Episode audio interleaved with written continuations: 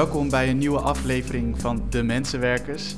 De tweede keer dat we bij de, een aflevering kunnen zeggen, de podcast De Mensenwerkers. Ehm, waarbij we in gesprek gaan met humanisten om te leren van ze, ja, wat voor werk doen ze eigenlijk, wat voor waarde voegen ze toe. Ehm, Lucinda, waar zitten we vandaag? Nou, vandaag zitten we eigenlijk gewoon middenin het hart van het Humanistisch Verbond. Het is vandaag 21 juni 2021, Wereldhumanisme Dag. En een hele bijzondere dag, want we zijn net uh, geweest op de Koningsgracht. Was het de Koningsgracht? Nummertje Keizersgracht. 604? de Keizersgracht 604. Waar oorspronkelijk het Humanistisch Verbond is opgericht. En daar hadden wij het cadeau te overhandigen van onze podcast. En die hebben we overhandigd uh, aan Marjan Sakhali, de voorzitter van het Humanistisch Verbond. Dat was ontzettend leuk. In de stromende regen. Ja. Want was dat dan wel zo leuk in de stromende regen? Winfried, uh, doe vooral mee. Ik zal je zo meteen nog even goed, uh, dus de gast van vandaag, ik zal hem zo meteen nog even goed introduceren. Maar hoe was de, hoe was de overhandiging aan het Humanistisch Verbond? Ja, ik vond, ik vond het heel leuk, heel grappig om te zien. Uh, ja, ondanks de regen was er toch enthousiasme en, en ja, gewoon, gewoon leuke sfeer. Je zegt gewoon, iemand merkte op van, goh, wat, wat enthousiasme dat we allemaal hier de regen staan te trotseren om dit toch te vieren met elkaar. Dat wordt voor ja, ja, vond ik leuk om te zien. Wat een commitment, hè? Ja, exact die. En het was echt wel een bijzonder moment, omdat uh, ja, dit was de gelegenheid waarbij de leden allemaal zijn samengekomen. En nou ja, dankzij jullie misschien, uh, ben jij wel uh, lid en heb jij gewoon een, help jij ons deze podcast mogelijk te maken. Dat zou echt fantastisch zijn. En dit was een moment waarbij we dus iets konden teruggeven aan het Humanistisch Verbond. Dat vond ik wel bijzonder dat we daar stonden. Ja, want de eerste vier afleveringen en eigenlijk ook, je zou het vervolg ook kunnen zien als een deel van het cadeau. Ja. Um, maar is een cadeau voor het 75-jarig bestaan. Ja. Ja. Had jij nog uh, leuke reacties gehoord, Lucinda? Ja, ik vond het ontzettend leuk eh, dat er zo'n enthousiasme is. Uh, en zo, ja, dat is natuurlijk ook een beetje een linkje aan uh, Human Professionals, waar we zo meteen meer over gaan vertellen. Het enthousiasme over de verschillende verhalen. En, en stiekem, Robin, zijn we gewoon begonnen om een, mozaïek te maken eigenlijk van al die verschillende geluiden. En dat is natuurlijk ook wel onderdeel van het humanisme, is die diversiteit. En, en ja, dat, die komt wel echt terug. Dat, dat is heel gaaf, ja. Ja, want vandaag gaan we ook weer een toevoeging doen aan die mozaïek. Want vandaag spreken we met Winfried Tilanus. Uh, Winfried is privacy-adviseur en alumnus van de Universiteit voor Humanistiek. En zoals Winfried zelf zegt, um, ja, hij werkt aan privacy, waarbij de menselijke waarden, de organisatie en techniek bijeenkomen. Uh, dus vandaag weer uh, kortom een humanistische professional die op met hele unieke wijze eigenlijk de humanistische skills op een unieke plek inzet. Dus welkom Winfried. Dankjewel, leuk om hier te zijn. Leuk dat je er bent. Superleuk dat jij uh, tijd hebt vrijgemaakt voor ons om uh, te vertellen ja, hoe jouw werk eruit ziet. En eh, laten we meteen in de diepe springen met elkaar. Want je noemt jezelf privacy-adviseur. Wat, wat bedoel je daar eigenlijk mee? Ja, dat is meteen een hele leuke, want... Uh, ik ben zelf ben ik meer op die privacy gaan richten, omdat ik uh, zag van daar komen allemaal dingen bijeen. Het, um, klinkt soms heel juridisch, zeker met de AVG, is soms heel technisch, maar eigenlijk waar het echt om gaat eronder, gaat toch wel heel erg om, ja, hoe gaan we met de mensen om? En een organisatie die op een bepaalde manier met de gegevens van de mensen omgaat, laat eigenlijk daarmee ook zien hoe ze naar de mensen kijken. En op welke manier zij uh, met mensen omgaan. Ja, welke plek de mens of een klant of heeft voor ze. En als je dan die vraag stelt, oh, doe ik ook dus vaak bij organisaties, van ja, maar hoe wil je eigenlijk met de mensen omgaan? Dan krijg je er vaak heel mooie antwoorden op. En dan zeg je van, maar als je er zo mee wil omgaan, moet je eigenlijk zo en zo ook met die gegevens omgaan. En dan, dan heb ik het gesprek en de dingen. En dan ga je verder gaan invullen van, oké, en hoe doen we, doen we dat dan juridisch, hoe doen we dat dan technisch? En dus dan ga je die linkjes leggen. Maar ja, ik begin zelf, en dat onderscheidt me wel een beetje van veel andere mensen die in dit privacyveld zitten ik begin altijd met de vraag eigenlijk van, ja, hoe wil je met die mensen omgaan? Ja, en voordat we voorbij het woord privacy gaan, wat betekent privacy? Hele mooie vraag. Um, ik heb een keer zitten observeren. Je hebt elke paar jaar hier in Amsterdam een hele grote privacyconferentie, een van de belangrijkste van de wereld. En ik heb wel zitten observeren dat ik echt tussen 2000 privacy-experts, allemaal academisch, uh, ehm, hoogleraar, weet ik wat. En die hadden gewoon 2000 verschillende opvattingen Ja. over wat privacy was. Oh ja. Dus ehm, hele grote discussies van, eh, van ja, is het nou een fundamenteel recht of is het iets juridisch of is het ehm,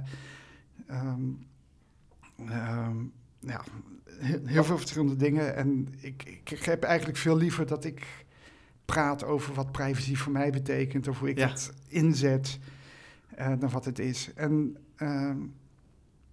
voor mij heeft het heel erg te maken. En dan duik ik nu meteen aan de theoretische kant heel erg het, water let's in. go.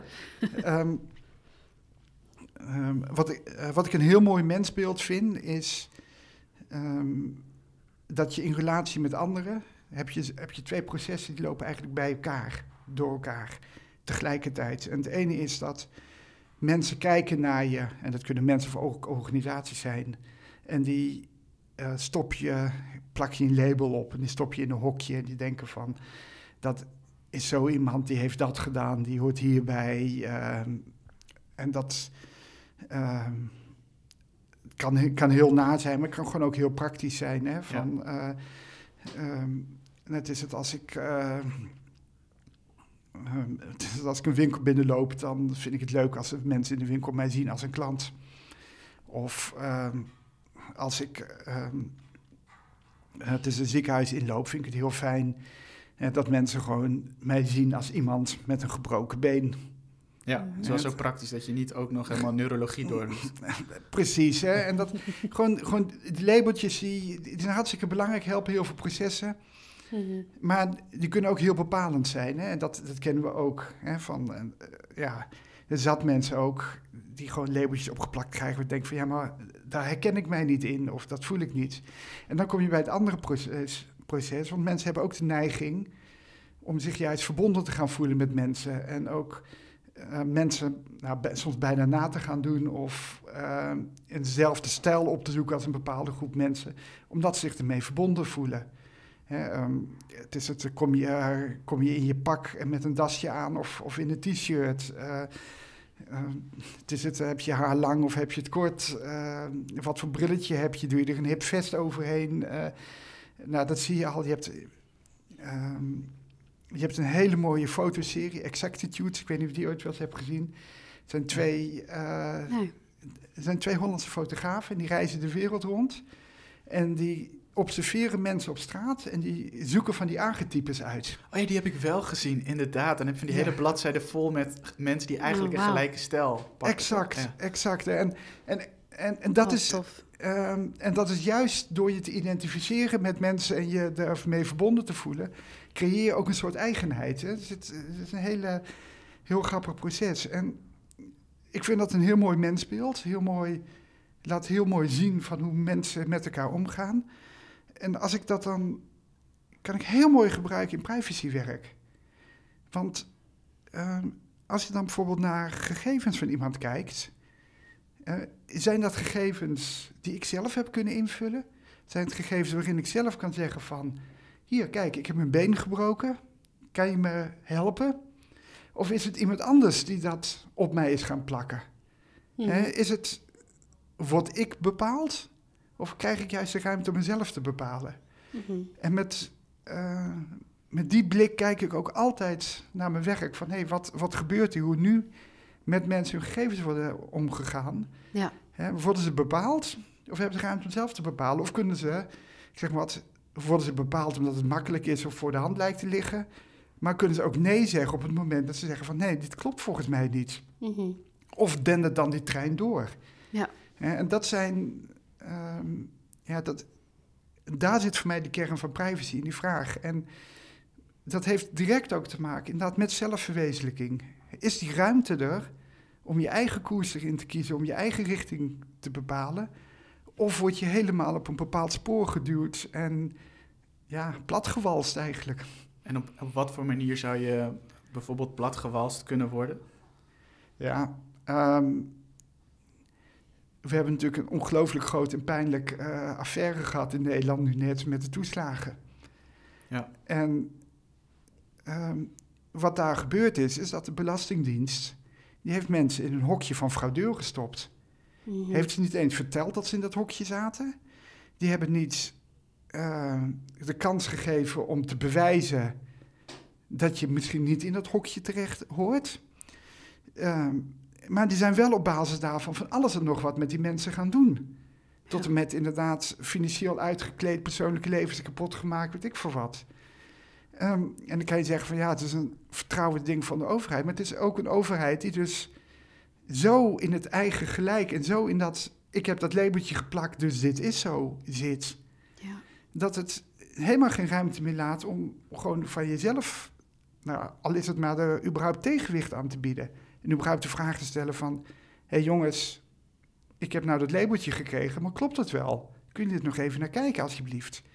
Nee, ze kregen niet eens te horen dat ze dat labeltje hadden, maar werden wel uitgekleed. Dus een soort van de systemen die, wat je zegt, die denderen door. En dan zou je bijna ook kunnen zeggen, misschien wel toeslagenaffaire is eigenlijk een mooie tijd dat het nu zo duidelijk, vervelend voor de dupeerder, maar uh, ja, het wordt wel heel duidelijk. Maar er zijn dus meer van dit soort vormen dat het systeem het over kan nemen van de mens. Ja, en ja, kijk, dat, dat gebeurt soms heel klein, hè. Um, ja, uh, bijna elk webformulier moet je, of bij elke bestelling in een webwinkel, moet je invullen, ben ik man of vrouw? Ja, 10% van de Nederlandse bevolking voelt zich niet heel erg thuis in die man-vrouw categorie hokjes. Mm -hmm. um, maar ja, je wordt er wel ingedonderd. En probeer dat ook een keer te veranderen of weg te krijgen. Ja, het is heel moeilijk. Dat in heel veel winkels kan ik niet eens bestellen als ik niet in heb gevuld of ik man of vrouw ben. Ja. En um, dan denk je van ja, wat maakt dat uit? Maar ja, het is wel iemand die mij loopt, voor mij loopt te bepalen wat ik ben en in welke hokjes ik moet uh, passen en tussen welke hokjes ik mag kiezen. En, ja. um, en dat, daarmee wordt eigenlijk stuk voor stuk gewoon ja, de ruimte van mensen om, om zichzelf vorm te geven, om, om een eigen identiteit op te bouwen, om een eigen wezen op te bouwen, wordt daarmee systematisch kleiner gemaakt. Is het soms niet ook heel lastig om dit duidelijk te maken? Ik vind dat jij het heel, eigenlijk best wel heel helder kan uitleggen. Ja. Maar ook zoiets ja, onaantastbaars, of niet onaantastbaars, maar iets, iets moeilijk zeg maar, duidelijk te maken als een stigma bijvoorbeeld, wat in kleine beetjes zich ophoopt. Is dat lastig om dat duidelijk te maken? Uh, ja. ja. En, um, waar ik heel veel moeite of heel veel problemen mee heb, um, nou, dan pak, pak ik weer een vrij grote. Ik bedoel, in Nederland wordt er al, al een jaar of twintig geworsteld met het opbouwen van elektronisch patiëntendossier, het uitwisselen van gezondheidsdata. En daar wordt uh, heel erg gewerkt in iets wat ze noemen eenheid van taal. En dat betekent dat er een nette codering is van uh, een gebroken been heeft een bepaalde code en dan kan het nog het ene been gebroken zijn en een roterende breuk of een gecompliceerde breuk of een, uh, of een verbrijzelde breuk. En dan word je keurig netjes in, in hokjes gedouwd, keurig in die medische klassificatiesysteem. En heel veel automatiseerders, die vinden dat niet meer dan logisch. En dat is toch de werkelijkheid. Je hebt toch een gebroken been. En uh, ik klim zelf. En ik heb daar nogal wat uh, gebroken benen langs zien komen. Ook helaas mijn gebroken been. Ja. En um, daar, uh, nou, ik kan het niet altijd vertellen, maar het ene gebroken been is echt niet het andere. En voor de ene betekent dat gebroken been ook iets heel anders dan voor iemand anders.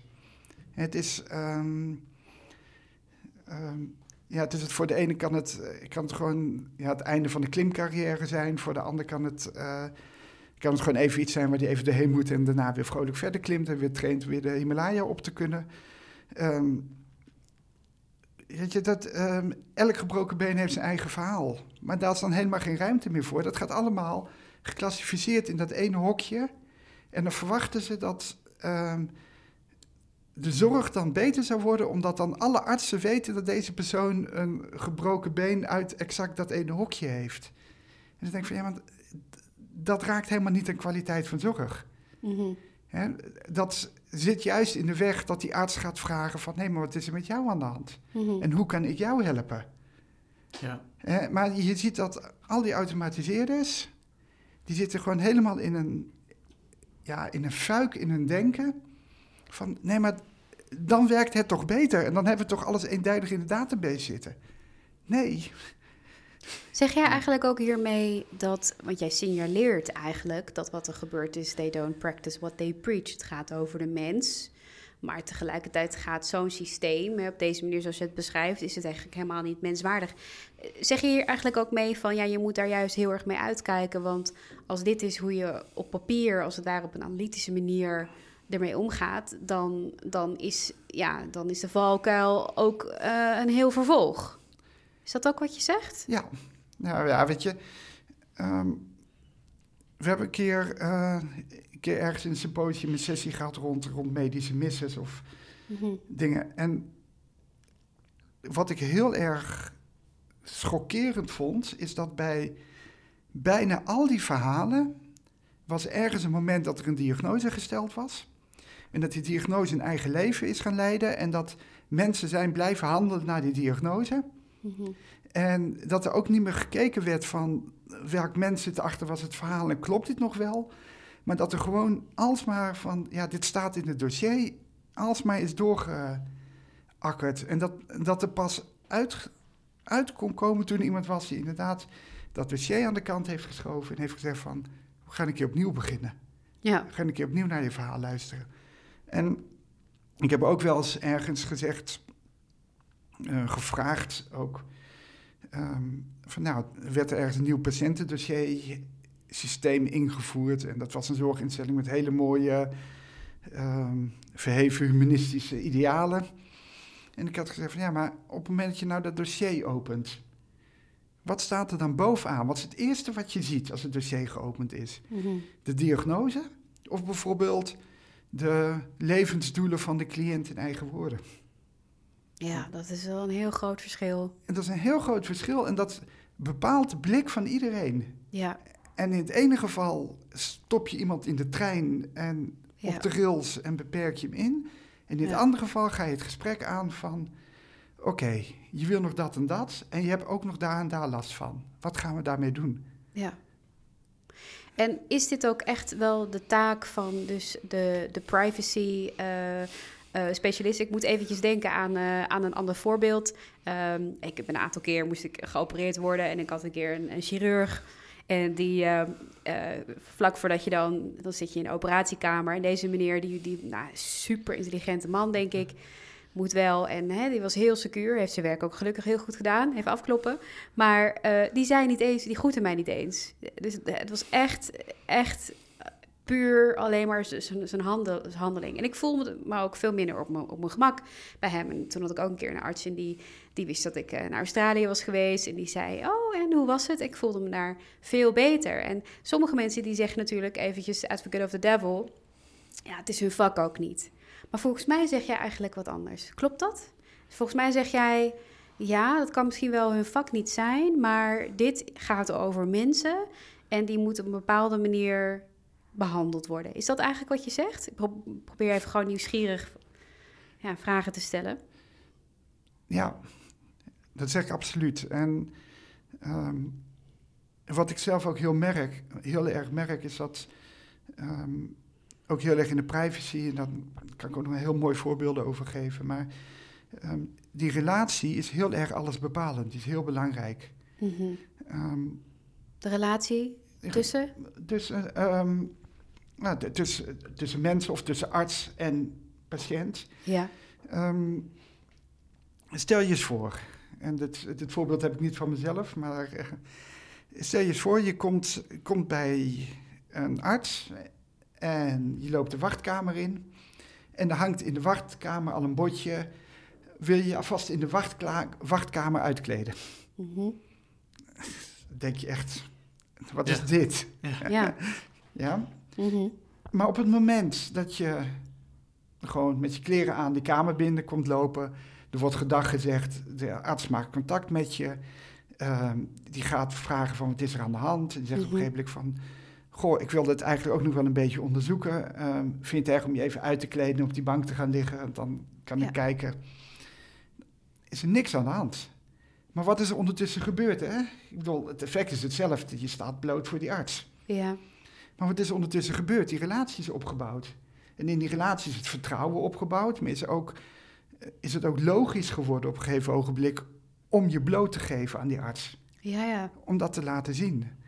En een, een arts die ehm, niet uit het papieren opkijkt en tegen je zegt van trek je kleren maar uit, ja. dan voel je je heel ongemakkelijk bij, want dat die, dat die relatie er niet is. En dus dat voorbeeld wat je geeft van ja, die arts die niet even een handje geeft en hallo zegt, Ja, ehm, ja, die verwaarloost die relatie. En die Ja. verwaarloost eigenlijk de context waarin die moet handelen. En die verwaarloost niet, zeg je dat? Ja, ik noem dat altijd een beetje de kapotte autobeeld. Mhm. Ehm, ja, het is het, eh, het, is het eh, kapotte bobine eh, vervangen en je auto rijdt weer. Hè? Duidelijk probleem, duidelijke oplossing en dan hoef je niet verder met die auto te praten. Maar dat zijn geen mensen. Nee. Als, je, als, je dat, als je het menswaardige in die behandeling wil hebben, dan moet je niet mensen gaan benaderen als een kapotte auto. ja, ja, ja. Ja, wauw. Dus, dus jij zegt inderdaad, jij zegt eigenlijk iets, iets heel, heel anders. Hè? Mensen zeggen van, nou ja, het is maar goed dat die chirurg eh, zijn vak doet. En eh, ja, die, die, die is ook voor een reden geen psycholoog bijvoorbeeld. Om reden. Maar dit zeg jij dus ook, eh, volgens mij sta jij ook wel echt op nu in, in deze privacycultuur. Eh, de wereld is natuurlijk enorm aan het ontwikkelen. Dit begint steeds meer een ding te worden. En ja, zonder, zonder dat we het weten, verliezen wij dus hier eigenlijk onze menswaardigheid in. Ja, Wauw. Het is, ik, ehm, ik denk dat we echt veel kritischer moeten kijken naar hoe we, hoe we met gegevens, hoe we met die data, hoe we met die databases omgaan.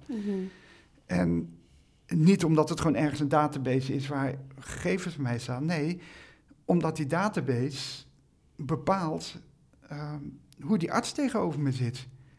Als die arts alleen Ah, maar ja. naar zijn scherm zit te kijken en naar de gegevens die erop staan en niet eens het fatsoen heeft om opzij te kijken naar waar ik zit, Ja, Ja. dan, ehm, ja, dan verliezen we iets heel essentieels in de, in de menselijkheid.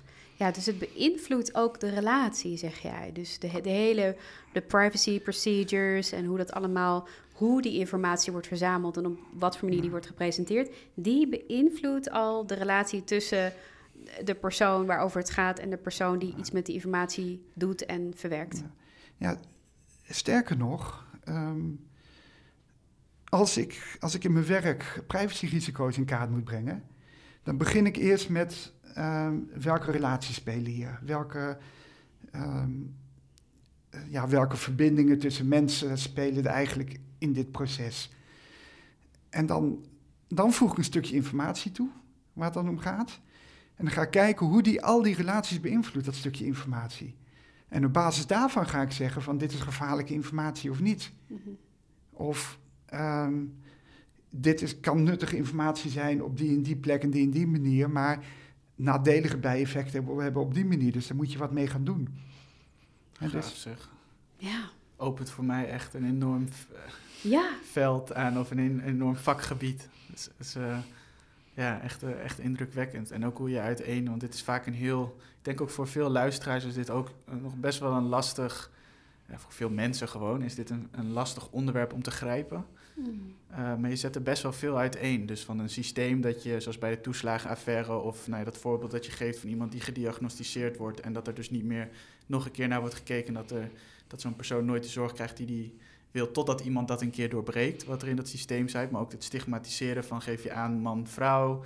Geef je aan, je geeft eigenlijk al heel veel eh, verschillende vormen en hoe het de relatie beïnvloedt. Dus dat het systeem dus leiding neemt, dat je wel heel veel karakter nodig hebt voordat iemand dat oppakt. Ik herhaal het even omdat ik merk, ik moet het zelf op een rijtje ja zetten. Dus ik, misschien dat de mensen die luisteren ook denken van, oh ja, nu, is, nu staat ze op een, op een rijtje. En, en ja, de vervolgvraag die ik eigenlijk heb, en ik denk eh, meer mensen, hoe ga jij dan aan de slag? Je liet al wat dingen doorschemeren. Hoe zorg jij als eh, humanistisch professional en privacyadviseur dat je ja, hier iets in kan veranderen? ja, nou, wat ik wel leuk vind, ik heb, eh, het is een vrij groot project waar ik de afgelopen jaren mee bezig ben geweest en ongelooflijk veel in zit. En ik vind het ook gewoon wel heel leuk om over dat, eh, dat, dat project iets te vertellen. Gaaf. Ja, want dat, eh, ja, dat geeft, geeft gewoon ook wel. ik bedoel, ehm, ik, ik klink heel duidelijk, heel duidelijk en eenduidig van ik weet waar ik nou op zoek ben. Maar als je dat in de praktijk gaat toepassen, krijg je inderdaad allemaal bochten en problemen en struikeldingen. En Dat is het eerlijke verhaal. dat is het eerlijke verhaal. dus dat, eh, het gaat helemaal niet zo rechtlijnig en eh, recht op het doel af. Eh, maar ehm, ik was betrokken bij een, ehm, bij een zorginnovatieclub. En die kwamen op een gegeven ogenblik in de gelegenheid met een coalitie van eigenlijk vergelijkbare zorginnovatieclubs ehm, een rapport te schrijven ehm, met steun van het ministerie van VWS om daar een ehm, ja, wat meer groter overkoepelend eh, innovatieproject van te maken met het idee van we gaan de krachten bundelen en met, met z'n allen die push voorwaarts maken en niet eh, ehm, en, en niet allemaal ons eigen kleine hoekje en, en versnipperd werken. Dus dat is een heel mooi project. En krachten bundelen op, op wat voor wijze? In, echt, echt in de toekomstvisie van, van hier willen we naartoe met de zorg. En dan data ook in dit geval? En- Ja, eh, nou, er zaten een paar uitgangspunten in dat project. Is heel, eh, ehm, ze zagen heel erg van dat, dat de zorg verkokend was. Dat als je ehm, bij het ene type hulpverlener bijvoorbeeld de huisarts naar binnen liep, ja, dan ga je heel erg het medische circuit in. Terwijl als je bij de maatschappelijk werker naar binnen loopt, dan krijg je andere hulp. En dat was een verkokering, maar die verkokering zie je ook in de, in de financiering. Je ziet ook dat, dat er heel vaak niet samengewerkt wordt. Maar je ziet ook dat, ehm, dat er heel veel projectjes zijn met, met elektronische hulpverlening, met e-health. En dat die eigenlijk ook allemaal kleine snippertjes zijn en dat die geen, geen geheel vormen of geen, geen eenheid vormen. En ook helemaal niet ehm, helpen om, hoe zeg je dat, af en toe een klein duwtje geven. Soms wat kunnen helpen, soms er net naast zitten, maar ehm, ook geen, ge- geen geheel vormen. Ja, Dus het idee was eigenlijk van, we gaan proberen om zowel in de samenwerking op de grond, als in hoe er digitaal samengewerkt wordt, als in de financiering gaan we kijken of we dingen kunnen, kunnen veranderen. En met dat idee zaten dus al die, en het is het echt, eh, echt ongeveer een dozijn innovatieclubben om tafel. En ehm, er zaten ook een aantal projecten rond die werden heel erg door ervaringsdeskundigen gerund. Ehm, en ja, er moest een notitie over geschreven worden en een plan gemaakt waar we eventueel VWS dan op zou kunnen financieren. En dat was het begin, was nog eh, de- en een van de innovatieprojecten die naar mij mee, die zegt van, misschien is het goed dat je hier ook een keertje bij gaat zitten. En ik kwam midden terecht in een discussie over eigen regie. Want aan de ene kant werd heel erg geroepen van ja, als mensen eigen regie nemen over een zorgproces, dan, dan gaat het vaak ook veel beter. En ja, dat is een heel mooi idee, heel mooie gedachte. want eigen regie zou in deze betekenen... Dat- Dat je zelf bepaalt, veel meer niet dat je ehm, wacht op je diagnose, om het zo maar even te zeggen, en op basis van de diagnose te horen krijgt van nou, we gaan dit je zo behandelen. Maar dat je inderdaad echt veel meer zelf gaat bepalen van oké, dit zou mij helpen in mijn situatie. Oké. Ja. En dat kan medisch ingrijpen zijn. Ik bedoel, ik was heel blij dat er gewoon mijn gebroken been netjes in het gips gezet werd en een pen erin. En weet ik wat van eh, ongein allemaal. Maar ehm, er zijn ook heel veel dingen die je juist, misschien juist beter niet medisch kan behandelen, maar juist op een andere manier kan benaderen. Dat je daar mensen veel beter mee helpt. Hè, dus het idee is van als je daar mensen veel meer ruimte geeft om er zelf hun eigen keuzes in te maken en hun eigen weg in te zoeken, dan is de, is de kans dat ze gewoon goed, goed en effectief geholpen worden veel groter. Dat is het idee. En dan zaten er een paar van de patiëntenverenigingen, onder andere, eh, het is het uit een groot eh, ehm, project van mensen die psychoses hadden gehad. En die zeggen van ja, maar eigen regie is, heeft ook vaak een hele vieze bijsmaak. Hè, van, dat het ook is van dat is je eigen regie, ehm, dus zoek het zelf maar uit. Ja. En ook van, soms is het ook heel moeilijk, heb je er gewoon hulp en steun bij nodig. Eh, en eh, die viel een beetje over dat, dat, dat hele grote focus op dat eigen regie. En ben toch gewoon maar eens, eens begonnen van, ja, ja, ik zag die discussie lopen. Ik zei van, is het niet een handig idee om die eigen regie te zeggen van niet als een absoluut iets neer te zetten, maar als een streven. Dus dat je probeert om mensen zoveel mogelijk eigen regie te geven, te bevorderen, daarin te steunen, daarin te helpen.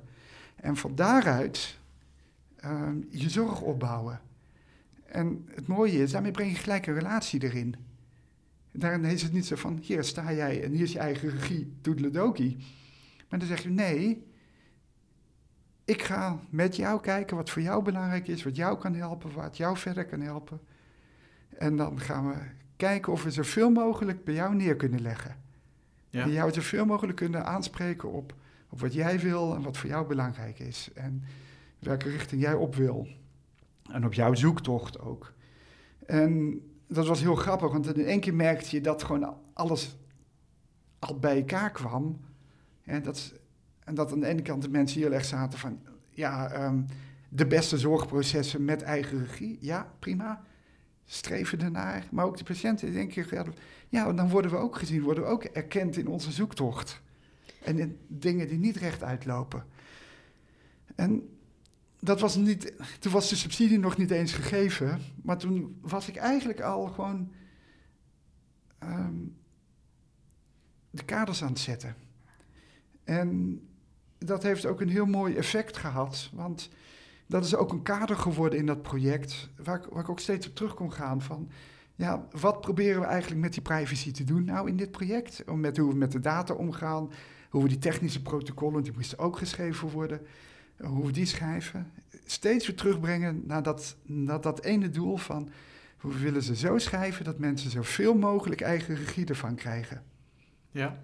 En dus, dat, dus daarmee heb ik gewoon eigenlijk de ja, stapje, stapje vooraf, een beetje, beetje sneaky ook bijna, heb ik gewoon wel um, het is het, het uh, ja, de omgeving of de uitgangspunten um, zo gezet dat het ook een, ook een uitgangspunt werd wat en die menselijkheid had, maar ook een werkbaar uitgangspunt is om verder op te bouwen als je over privacy gaat praten. Ja, en is het iets wat je vaak tegenkomt? Dat je ziet van ja, juist dat, dat, dat uitgangspunt aan de voorkant, daar is zo'n zo'n bepaalde vraag stellen heel belangrijk of een idee neerleggen. Zie je dat veel? Ja? Ja, ik, um, ik, ik word ook wel soms wel eens voorgesteld als... we halen Winfried erbij, erbij want die stelt vragen die anders nooit gesteld worden. Mm -hmm. en ja, ik, ik, vind het essentieel, maar ik, ik, merk ook van het wordt heel veel makkelijker. Op het moment dat een organisatie weet eigenlijk waarom ze dat doen en welke, welke, op welke manier ze eigenlijk met de mensen om willen gaan, dan wordt het ook heel logisch om even in te vullen van oké, dan doen we dat met de data en dat met de data. Uh, gaan we op deze manier uh, mensen toestemming vragen, wel of niet? Uh, het kan je het hele rijtje invullen en dan heb je ook een verhaal wat je heel makkelijk gewoon kan verdedigen onder, onder de AVG. Er valt alles gewoon op zijn plek. Daar hoef je er helemaal niet moeilijk over te doen, helemaal niet over na te denken. Is dat gewoon een no-brainer. Als je die vraag aan het begin gesteld hebt. Als je die vraag aan het begin niet stelt, ja, dan, kom, je, kom je er onderaan in het moeras terecht. En hoe zag dat er bijvoorbeeld uit in dat project met, uh, met de zorginnovatieclubs? Uh, dat door het goed stellen van dat uitgangspunt, zeg maar, wat was het vervolg daarna? Nou, het eerste vervolg, dat was echt zo'n heerlijk struikenblok. Want je merkte van, uh, nou, het, het, idee was dus ook echt werkwijze op de grond veranderen. Dus het was heel belangrijk in dat project dat we uh, experimenten in wijken opzetten en daar ook echt, die ook heel erg gebruikte, daarop bouwden, van daaruit bouwden. En niet zomaar met een, met een techniek uit de lucht zomaar iets gingen presenteren, maar echt vanuit de behoefte en wat we daar zagen gingen werken. Maar er zaten ook uh, leveranciers van IELTS toepassingen aan tafel. Er zaten ook, uh, ja, het is het, uh, echt gewoon systeemarchitecten, techneuten aan tafel. Ehm, er zat, uh, ja, er zat ik tussen met mijn, uh, met mijn ethische achtergrond. Er zat een design thinking ontwerper aan, aan tafel. En daarmee gingen we op een gegeven moment ook in een buurthuis, in, in zo'n lokaal experiment, uh, gewoon ophalen van wat zijn eigenlijk jullie behoeften. Ja. En je merkte in één keer dat iedereen een totaal andere taal sprak. Die techneuten hadden iets van, ja, wat, wat loop je nou moeilijk te doen over, uh, over identifiers en identiteiten en weet ik veel wat. Uh, gebruik gewoon iedereen's e-mailadres overal en dan zijn we eruit. Ja. Uh, wacht even, hier zit nog iets onder voor mij. Het, het, je moet, we moeten het erover hebben. En uh, die buurtbewoners, die hadden echt iets van, ja, um, waar hebben jullie het over? En ja, wat, het enige wat we merken, wat we vervelend vinden, is dat waar we komen, moeten we een account aanmaken. En dat is zo'n gedoe. We moeten al die accounts onthouden en, en overal opnieuw inloggen. En dat, daar worden we een beetje ziek van. Dus super praktische dingen. Super praktisch. En, uh, en dat, uh, die hele visie eigenlijk van, uh, ja, van allemaal e-health toepassingen die met elkaar zouden kunnen samenwerken. En waarmee je eigenlijk een soort eigen omgeving ze kunnen creëren die zich helemaal naar jouw idee ze kunnen vormen. Dat lag zo ver weg bij hun vandaan. Die hadden echt totaal geen idee waar we het over hadden. En dat, dat moesten maar even bij elkaar zien te krijgen. Moesten we in één keer duidelijk krijgen van ja, wat is hier aan de hand? En, hey, en als, je, als je dan zo'n voorbeeld noemt, uh, ik, het klinkt ook al als jij bent echt een pionier hier, hierin en, en je verbindt, je hebt en uh, weet ik, uh, we kennen elkaar uh, steeds beter. uh, informatica gestudeerd, toch? En, en ja. humanistiek. Technische natuurkunde. Technische natuurkunde was het. Oh ja, ja. precies. Technische natuurkunde, wauw. Maar dus, en dit is ook best wel een hele bijzondere combinatie. Want het is echt de beta, alpha, echt helemaal samen. Mijn vraag is, is het niet ook gewoon best wel zwaar voor jou om in dit veld te werken? Ik kan me voorstellen dat je soms best wel alleen ervoor staat. Dat je moet continu moet duidelijk maken waarom dit belangrijk is. Klopt dat? Uh, ja. En nou, laat ik het heel praktisch bij dat project houden. Gewoon, gewoon in die fase. Nou, ik heb me echt een roepen in de woestijn gevoeld. Ja, ja. En ja. Um, constant lopen zoeken van van hoe krijg ik nou over het voetlicht wat ik zie en wat het belang hiervan is. En, ja. en waarom we dit zouden moeten doen. Of waarom we hier beter naar moeten kijken, beter over na moeten denken. En ik had in dit project had ik het geluk dat die, dat die ontwerper uit die Mhm. design uh, thinking, uh, stroming. Dat is toch mijn hoek, hè? Dus het is Ja. fijn dat we elkaar dan toch vinden. Ja. Precies. Ehm, ehm, zij zag het ook gebeuren. En, en zij voelde dit en ze kwam echt met een lumineus idee. Ze zegt van, we moeten een keer goed gaan uitzoeken eigenlijk hoe die processen van, van dat relatie opbouwen en, en inderdaad dat moment dat je uit de kleren gaat, letterlijk of figuurlijk, Ja. ehm, hoe dat eigenlijk werkt. En de mensen kunnen zich gewoon van, vanuit het niks niet voorstellen ehm, waar we op hinten. Maar laten we dit een keer eh, gamificeren. Laten we een keer een spel hiervan maken.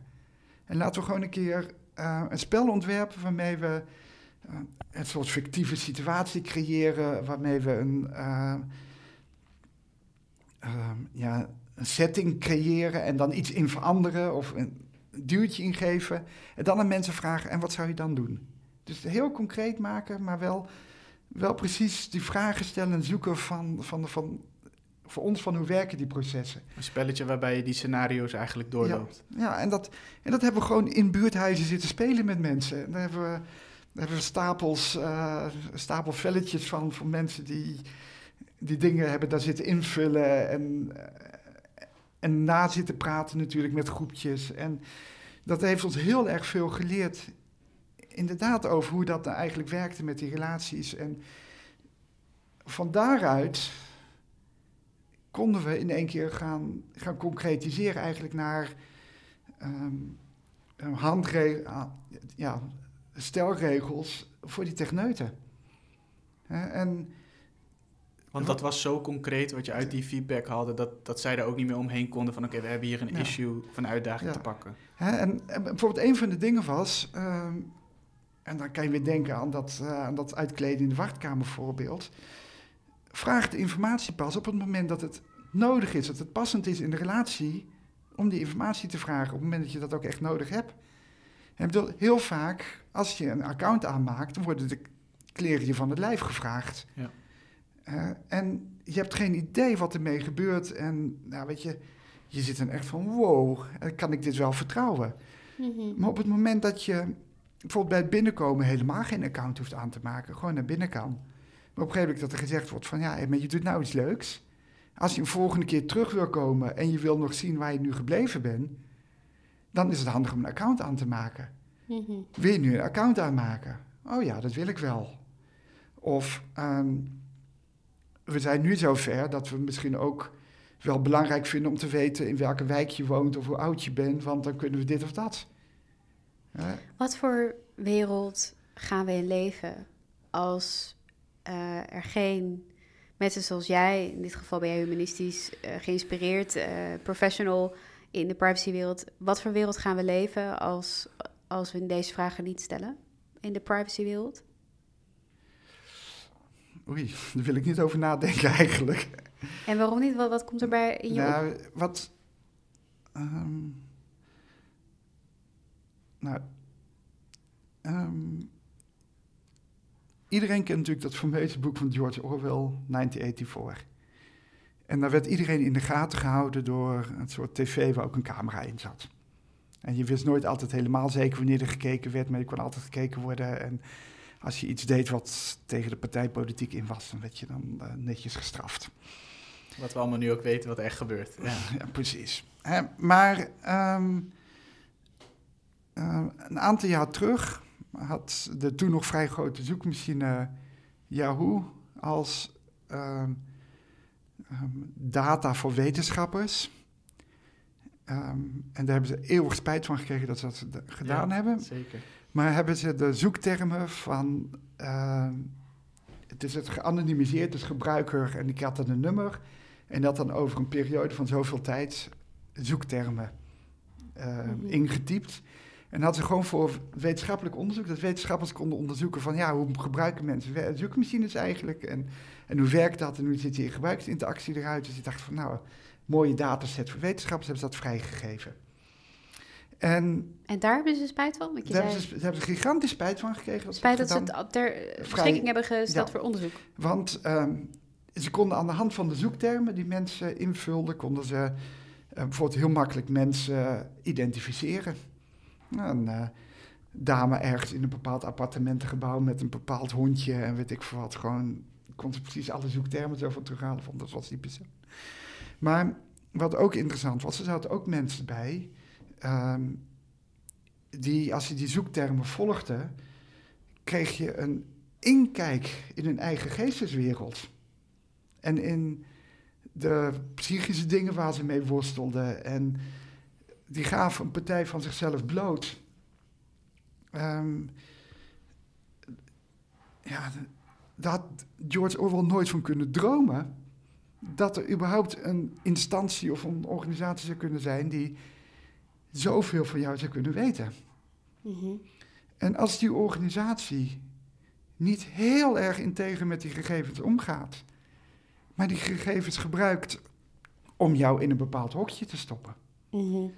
En dan maakt het niet uit of dat een advertentieverkopende organisatie is, wat sommige zoekmachines of de meeste zoekmachines ook zijn. Of dat het een geheime dienst is of een overheid of weet ik veel wat. Mhm. Als je zoveel gegevens van mensen gaat verzamelen en ze dan in hokjes gaat stoppen en ze dan op de treinrails gaat zetten, je, je, hebt, je hebt een dictatuur op een niveau, die kan je je niet voorstellen. Dus die, Kan je, dat, kan je dat wat meer uitleggen? Want, ik- want het is heerlijk dat ik erbij zit, want ik ben echt iemand die, die, die, die gewoon hier dus weinig van af weet. Ehm, wel filosofisch gezien vind ik het ontzettend interessant, maar, maar jij snapt het ook echt, jij beleeft het, je, jij, you- you're breathing it in. Ehm, en ik- ja, ik moet ook gewoon eventjes denken aan verhalen. Bijvoorbeeld, ik vind het heel lekker dat mijn Netflix eh, personalized is. En eh, eigenlijk ook wel soms handig dat ik wat eh, advertisements krijg die gericht zijn op mij. Alhoewel, alhoewel het soms inderdaad schrikbarend is. En ook als ik denk, nou, dat klopt niet helemaal. En eh, het lijkt alsof de maatschappij wil dat ik nu kinderen ga krijgen, dat soort dingen. Maar ehm, dan krijg je boekjes eh, opeens eh, advertisement van, oh, ehm, eh, nou ja, eh, 30 plus, bla bla bla. Zo, dat soort dingen.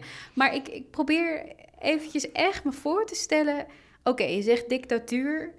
Ehm, want ik hoor er ook in van, dat, dat het een reactie kan zijn... oh, we maken dingen wat meer persoonlijk. Maar, maar dat zeg je niet. Hè, je zegt echt Ja. van een dictatuur. En, en Wat- Kijk wat. ehm, ehm, ik, ik ben een beetje voorzichtig met, ehm, met antwoorden op je vraag. Mhm. Want het is een beetje de rechtvaardiging die de advertentieindustrie steeds voor zichzelf eh, ja, ja, gebruikt. Van eh, ja, mensen willen persoonlijke advertenties zien. ja, ja, ja.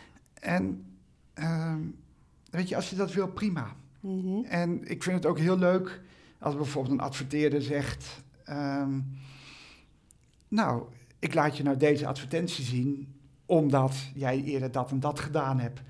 En dan kan je zien wat er achter je rug eigenlijk is gebeurd. Mhm. En dan kan je erom ginniken van, nou, die zitten er lekker naast. En eh, ik kan ook denken van, nou, ik vind het eigenlijk wel vervelend dat ze dit, dit weten van mij of gebruiken. Ehm, of ze hebben me in een verkeerd hokje gestopt, weet je Ja. wat.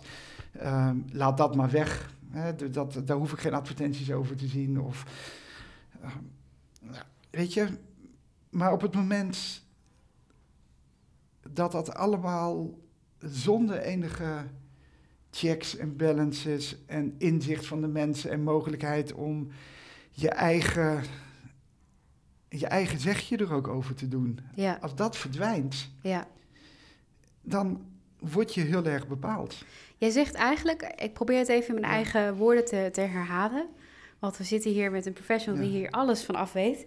En eh, ik moet zeggen, er gaat inderdaad een wereld voor me open ook, eh, nu je het daarover hebt. Als je het hebt dus over een dictatuur. Volgens mij zeg je dan eigenlijk, ehm, stel dit zou op deze manier gebeuren, er zijn geen checks en balances. Wij verliezen als, als, als citizens van maatschappijen onze vrijheid.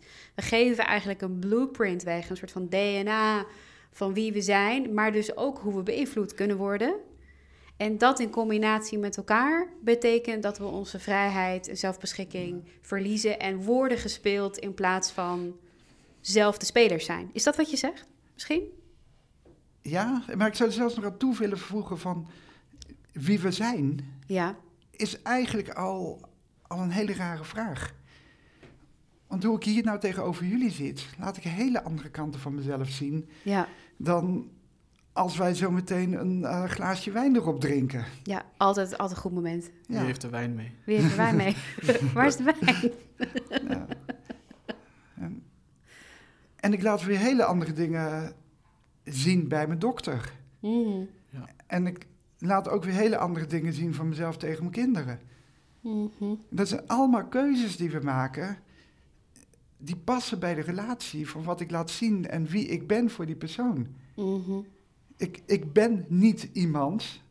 Ik ben duizenden mensen voor al die verschillende mensen met wie ik omga. Mhm. En daar ehm, maak je gewoon bewust en onbewust grote kleine keuzes in. Mhm. Ehm, welke schoenen trek ik aan vandaag? Ja, zijn, het, zijn het lekker stevige buitenstappers die goed tegen de regen kunnen? Of toch een paar nette schoentjes die mij misschien iets meer... Mhm. Het is het netheid eh, eh, tussen alle bobo's met het overhandigen van de podcast geven. En wat, wat zeg je dan daarmee? Zeg je Daarmee, dan... daarmee zeg ik van, het is diep menselijk om die ruimte te hebben om die keuzes te maken. Ja, het En gaat om de keuze kunnen maken. En om dingen in het voetlicht te zetten. En daarmee dus ook dingen in het duister te houden. Ja, en hoe kwetsbaar het dus ook eigenlijk is. Dat, dat goed om dat te kunnen. Ja, dat, exact. Exact Ja, dat. Ja. En die ruimte om van dag tot dag, tot van minuut tot minuut, van persoon tot persoon, Mhm. de keuze te kunnen maken van dit laat ik nu wel of dit laat ik nu niet voor mezelf zien. Dit Ja. is de persoon die ik nu wil zijn voor jou. ja. En op het moment dat anderen voor mij gaan bepalen wie ik ben, dat anderen zeggen van dit is jouw identiteit. Eh, je bent een vrouw van 30 en misschien wel aan kinderen toe. ja, precies. Dat Ja. voelde hè, alsof de maatschappij dit even beslist. Ja. Exact. Hè? ehm, daarmee verlies je de vrijheid om. Mhm. En, en En, en wat jij ook zegt, die verliezen vrijheid, die keuze. Want ik word ook beïnvloed. Ik word keihard beïnvloed. Hè? Als ik nu opeens steeds meer advertisements krijg met eh, links naar kinderen krijgen...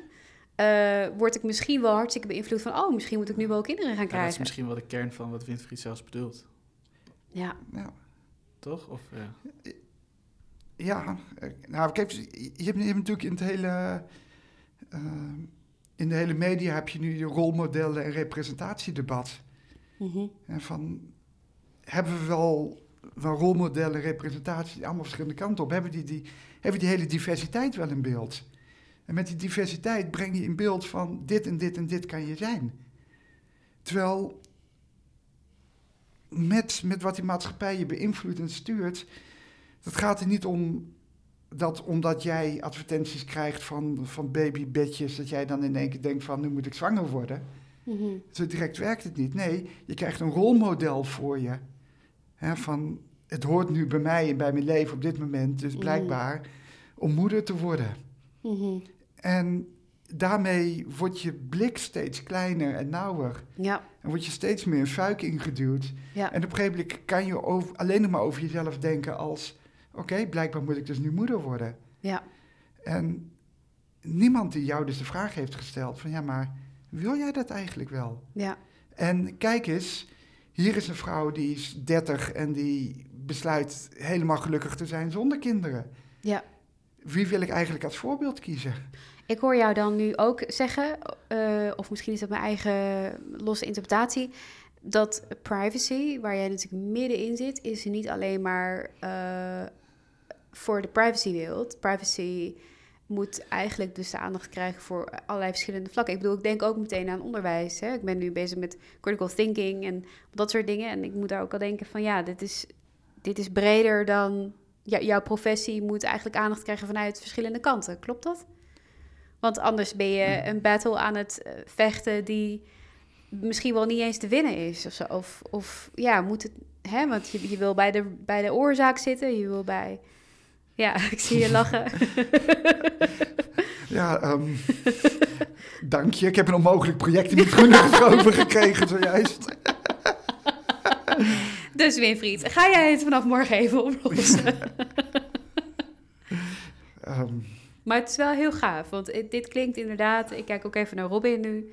En uh, ik zie ons ook hardop uh, nadenken terwijl je dit verhaal aan ons vertelt. Het, het, klinkt wel ja, veel breder dan dat ik dacht. Ja, nou, ik, ben, ik ben eigenlijk ook nog vooral heel benieuwd naar hoe ga je dan aan de slag? Want dit is een vrij diep gesprek en het is ja. ook persoonlijk. Want iedereen, om, om dit te begrijpen, moet je het ook voor jezelf uh, inzien, denk ik. Anders kan je nog steeds denken van ja, die ziet ze vliegen. Um, en ik denk dat je aan ons twee mensen hebt die denken van, ah ja, dit is een gesprek dat we ook wel eens met onszelf hebben. Zeg maar dat je je ja. afvraagt van, wat is de eerlijke stem? Weet je wat, ja. waar wil ik naartoe? Ja. Um, en dus inderdaad in verschillende contexten. Maar hoe ben jij vervolgens ook weer in dat project? Hoe ga je dan aan de slag? Dus je zegt wel van, nou, we hele, hele concrete feedback. Uh, doordat je zo'n spel speelt. Maar hoe zorg je dat je dit gesprek ja. kan voeren en dat je dit kan laten landen bij uh, de mensen die hier aan moeten bouwen. Want toch zou ik denken dat het niet heel eenvoudig is. Nee, klopt. Maar tegelijkertijd, als je, als je gewoon ja, met, met die stapel uitkomsten van, dat, van die privacy game um, naar, de, uh, ja, naar de programmeurs die het echt moeten gaan programmeren, een protocol moeten ontwerpen, toe kan stappen. En kan zeggen van, het is heel belangrijk dat we pas dingen aan, echt aan elkaar koppelen, dingen pas echt doorgeven of uh, pas echt vragen op het moment dat het echt nodig is en daarvoor niet. En dat we ook zorgen dat het technisch niet via een achterdeurtje alsnog even gebeurt. Maar dat het ook technisch geborgd is, dat het pas gebeurt als het echt moet gebeuren. En dat het dan openlijk gebeurt en dat er dan uh, die controle erover is. En, en dat was echt echt een heel duidelijke uitkomst van die game. Dat echt uit alles bleek van eerst die relatie. Eerst, dat moet eerst duidelijk zijn. Die moet eerst opgebouwd zijn. Dan is het goed om die informatie te delen. En dan vertrouwen mensen het ook. En uh, met dat verhaal konden naar die techneuten gaan. En toen zag ze erop werken en denken. En vroeg ook best wel een paar bijeenkomsten van vasthoudendheid. Maar op een gegeven moment viel het kwartje. Dus van, oké, als we dus nu dat e-mailadres gebruiken om overal iedereen even in te laten loggen en te identificeren. Dat is misschien technisch heel makkelijk. Maar dan ontnemen we mensen eigenlijk de mogelijkheid om zelf te bepalen of ze in het ene systeem wel dezelfde willen zijn als de andere. En op een gegeven moment zag je dat kwartje gewoon vallen van wacht even, dit is dus voor het vertrouwen in het systeem, voor het vertrouwen hoe het werkt, is het dus heel belangrijk.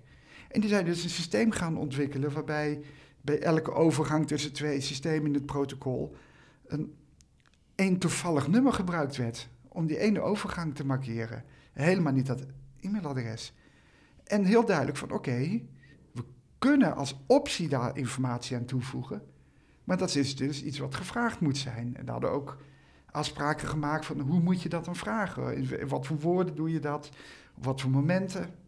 Ja. En je zag dat op een gegeven ogenblik werd het dan ook voor hun concreet van oké, dus als ik dit en dit en dit doe, dan kunnen we dus dat systeem beter maken en dat vertrouwen uh, krijgen, maar ook waarmaken. Ja, en, en in jouw aanpak, wat, hoe, wat zou je daarin omschrijven als humanistisch? um, meest uh, bijna provocerende antwoord is omdat ik het humanistisch noem. maar dat heeft uitleg nodig. Ja, graag. dat is natuurlijk ook een beetje raar om het zo te zeggen. En want um, ik, ik, ik, zie gewoon verschillende dingen echt uh, um, heel erg terug bij, bij andere mensen die raadswerk of, of andere vormen van human professionals of die UvH gestudeerd hebben of die heel diep in het humanisme zitten, zie ik gewoon, gewoon een aantal dingen terug. Hè, van, van een brede blik. Hè, van niet reduceren tot één aspect, maar dingen vanuit meerdere kanten willen bekijken. Um, ik zie ook een, ook een onafhankelijkheid erin. Ook daar je eigen, eigen route in willen kiezen. En soms ook, ook wel bereid zijn om buiten de gebaande paden te gaan, te gaan lopen. Of om een dissidente mening te laten horen. Ik, ik zie ook een koppeling van theorie en praktijk. Um, en ik zie ook een, ook een drive, een hele grote betrokkenheid van, bij mensen. Het zijn allemaal dingen die, die herken ik heel erg. Dat het een, aantal, dat het een set aan waarden is, die je eigenlijk meeneemt in alles wat je doet. Exact. Mm. Maar het interessante is eigenlijk, dat is helemaal niets exclusief aan humanisten om zo te zijn. Ja. Ik bedoel, heel veel mensen hebben godzijdank een drijf. Heel veel mensen kijken breder dan dat ene vakgebied. Ja. Heel veel mensen die zijn gelukkig in staat om theorie en praktijk ook met elkaar te verbinden. Ja. Um, heel veel mensen zijn ook heel goed in het communicatieve, in, in, in dat gesprek aangaan, mensen bij elkaar brengen, in, samenbrengen. Dus en um, dat is, uh, zeg ik dat, dat, dat zijn waarden die zie je ook in het humanisme terug. Maar uh, het feit dat je dat hebt, denk ik van dat maakt je nog niet echt humanistisch. Wat voor mij de sluitsteen is, is dat ik dan ook zeg van ik voel mij verbonden met deze groep die zich humanistisch noemt. En um, ik ga er ook voor staan. Ik ga er ook voor staan van dat dit mijn inspiratie is. Dat het gedachtegoed, het erfgoed, de traditie uh, vanuit het humanisme, dat die uh, mij ook heel erg drijft en draagt in wat ik doe. Waarom is dat belangrijk?